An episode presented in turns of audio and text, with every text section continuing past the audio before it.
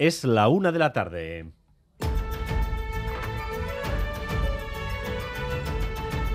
Crónica de Euskadi con Dani Álvarez. Chaldeón, los tres detenidos por el crimen de Navidad en Donostia van a pasar en las próximas horas a disposición judicial. La investigación se centra en saber quién dio los navajazos mortales a Lucas Aguirre, el chico de 24 años fallecido en un crimen que ha dejado a Guipúzcoa en medio de un gran silencio de rabia. David Beramendi. Sí, 24 horas después del homicidio del joven Hernaniarra, Lucas Aguirre, consternación, como decías, tanto en San Sebastián como en Hernani, el Ayuntamiento Donostiarra convoca para mañana martes a las 12 del mediodía una concentración de repulsa en Alderdieder. El Ayuntamiento de Hernani, en declaración institucional, confirma que se suma ya a esa concentración. Mientras tanto, los tres detenidos relacionados con el crimen continúan en dependencias policiales de la Arzain en breve pasarán a disposición judicial. Son dos chicos y una chica, todos ellos de entre 24 y 28 años de edad. La Arzainza continúa con la investigación en torno a una trifulca que al parecer comenzó en el interior de una discoteca continuó en el exterior.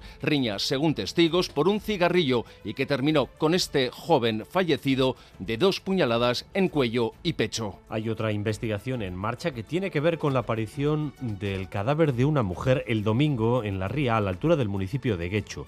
Lo que en una primera inspección parecía un suicidio presenta algunas circunstancias que llevan a no descartar otras hipótesis.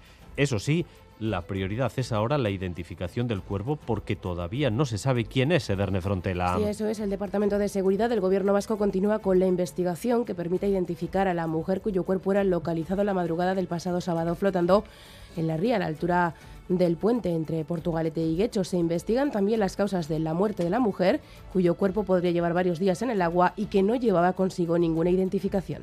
En Madrid, dentro de 24 horas sabremos por fin cuáles son las medidas que el Gobierno propone para hacer frente a la inflación a partir de la semana que viene. Parece claro que no va a haber descuentos universales a los combustibles porque el problema ahora está en la cesta de la compra que a su vez veremos cómo se puede bonificar y a quién. Y sin perder de vista otro ingrediente en la coctelera. El PNV no apoyará esas medidas si no se mantiene la subvención al transporte público en Euskadi y Zarobaza. Sí, el Gobierno pondrá especialmente el foco en la contención de precios de algunos alimentos. Se baraja reducir el IVA de algunos productos. Podemos propone además un cheque de 300 euros para la cesta de la compra, pero como viene siendo costumbre, las negociaciones entre los socios se están alargando hasta última hora. Los morados también proponen limitar los alquileres y las hipotecas variables y aumentar el descuento a las ayudas al transporte. El Ejecutivo también deberá decidir si prorroga las medidas en vigor que decaen este 31 de diciembre, entre ellas la bonificación del 20 céntimos a la gasolina. Estas medidas entrarán en vigor el 1 de enero, tendrán que convalidarse en un plazo de 30 días, pero todavía no hay fecha para la votación en el Congreso. Tampoco está garantizado el apoyo de los socios habituales. Los yelchales, como decías, exigen la prórroga en la bonificación al transporte. La vicelendacari Idoya Mendía se fija un nuevo objetivo tras haber aprobado en el Parlamento la reforma de la renta de garantía de ingresos. Será la Ley Vasca de Empleo, en la que, entre otras cosas, se buscará que la formación pase a ser un derecho subjetivo de la ciudadanía. Sobre la reforma de la RGI, Idoya Mendía asegura que Euskadi se ha convertido en una referencia para toda Europa. Lo que hacemos con esta ley es poner a Euskadi a la cabeza de Europa. Es decir, Europa ha tenido una serie de debates en los últimos cinco años, diría yo, pero el último ha sido de hace escasamente dos meses, donde nos indica el camino clave para la activación laboral y sobre todo también qué tenemos que hacer con las rentas garantizadas en los países de la Unión Europea. Y Euskadi afortunadamente nos ha cogido en el trámite de elaboración de la ley y hemos podido incorporarnos a la cabeza del mandato europeo.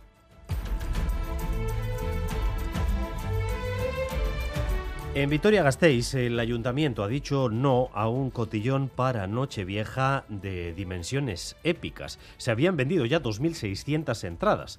Lo que pasa es que el organizador tenía exactamente cero permisos. El ayuntamiento ha intervenido y los asistentes se quedan de momento sin plan, Rodrigo Manero. Sí, el cotillón se iba a celebrar en el club de golf de Jundiz, a las afueras de Vitoria. La empresa organizadora iba a montar una macrocarpa para albergar a 2.600 personas, pero ayer comunicó que la fiesta se suspende. Según el ayuntamiento, pidió los permisos tarde y mal. No tenía ni la autorización de seguridad, ni de los bomberos, ni de ruidos, ni un plan de movilidad para llevar y traer a tanta gente hasta allí, y tampoco tenía un seguro contratado. La organización va a intentar recolocar a los afectados en otros cotillones en discotecas de Vitoria, pero no hay sitio para todos y los afectados, sobre todo chicos y chicas jóvenes, están que trinan.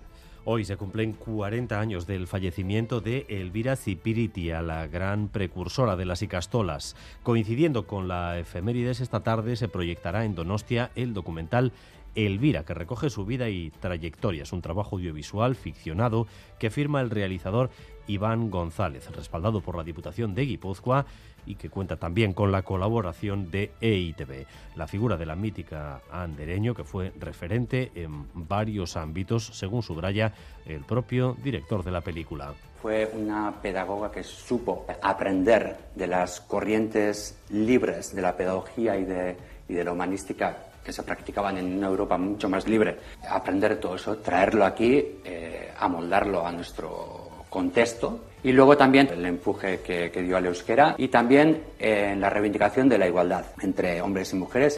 Y vamos también con lo más destacado del deporte, con Álvaro Fernández Cadierno, a Rachaldeón, Álvaro. Hola, Rachaldeón, con dos citas para los frontones, en el mano parejas en Tolosa, el Ordi Zabaleta, la Soimaz y en las Winter Series de Cesta en Guernica, Barandica, Lequerica o Larambasque. Y en fútbol, con nuestros tres equipos de primera trabajando a puerta abierta, Hoy tenemos Boxing Day en la Premier con tres técnicos guipuzcoanos como protagonistas, Miquel Arteta, Unai Emery y Julen Lopetegui. Y vamos también con el tráfico porque tenemos un fallecido en carretera, Sederne. Sí, el Departamento de Seguridad del Gobierno vasco confirma el fallecimiento de una de las víctimas implicadas en el accidente que tenía lugar entre dos vehículos en la Álava 3100, carretera de la red secundaria, su paso por Barrundia, en torno al acceso a la A1 en el cruce de Dayo, el accidente tenía lugar en torno a las 11 del mediodía, cuando se producía la colisión entre dos turismos. Han resultado heridas otras tres personas, todas ellas ya trasladadas a centros sanitarios. El accidente ha obligado al corte de la Araba 3140 y se está a la espera de abrir un carril. Y precaución también si circulan por la A8 en Baracaldo, sentido Bilbao. La colisión de dos turismos ha obligado al corte de un carril. Precaución si circulan por este punto. Y en cuanto al tiempo, la segunda mitad de este lunes va a estar marcada por el viento del noroeste, principalmente en la vertiente cantábrica. Esto nos va a dejar temperaturas más frescas que en los días precedentes. La entrada de un frente dejará además abundante nubosidad que podría dejarnos también algunos chubascos débiles. Temperaturas que están alrededor de los 17 grados ahora mismo en Donostia o en Bayona, 16 grados de temperatura en Bilbao, 13 en Pamplona, 13 en Vitoria-Gasteiz. Gracias un día más por elegir Radio Euskadi y Radio Vitoria para informarse. Aitor Rizabalaga y Paula Asensio están en la dirección técnica y Aitziber Bilbao en la coordinación. Crónica de Euskadi con Dani Álvarez.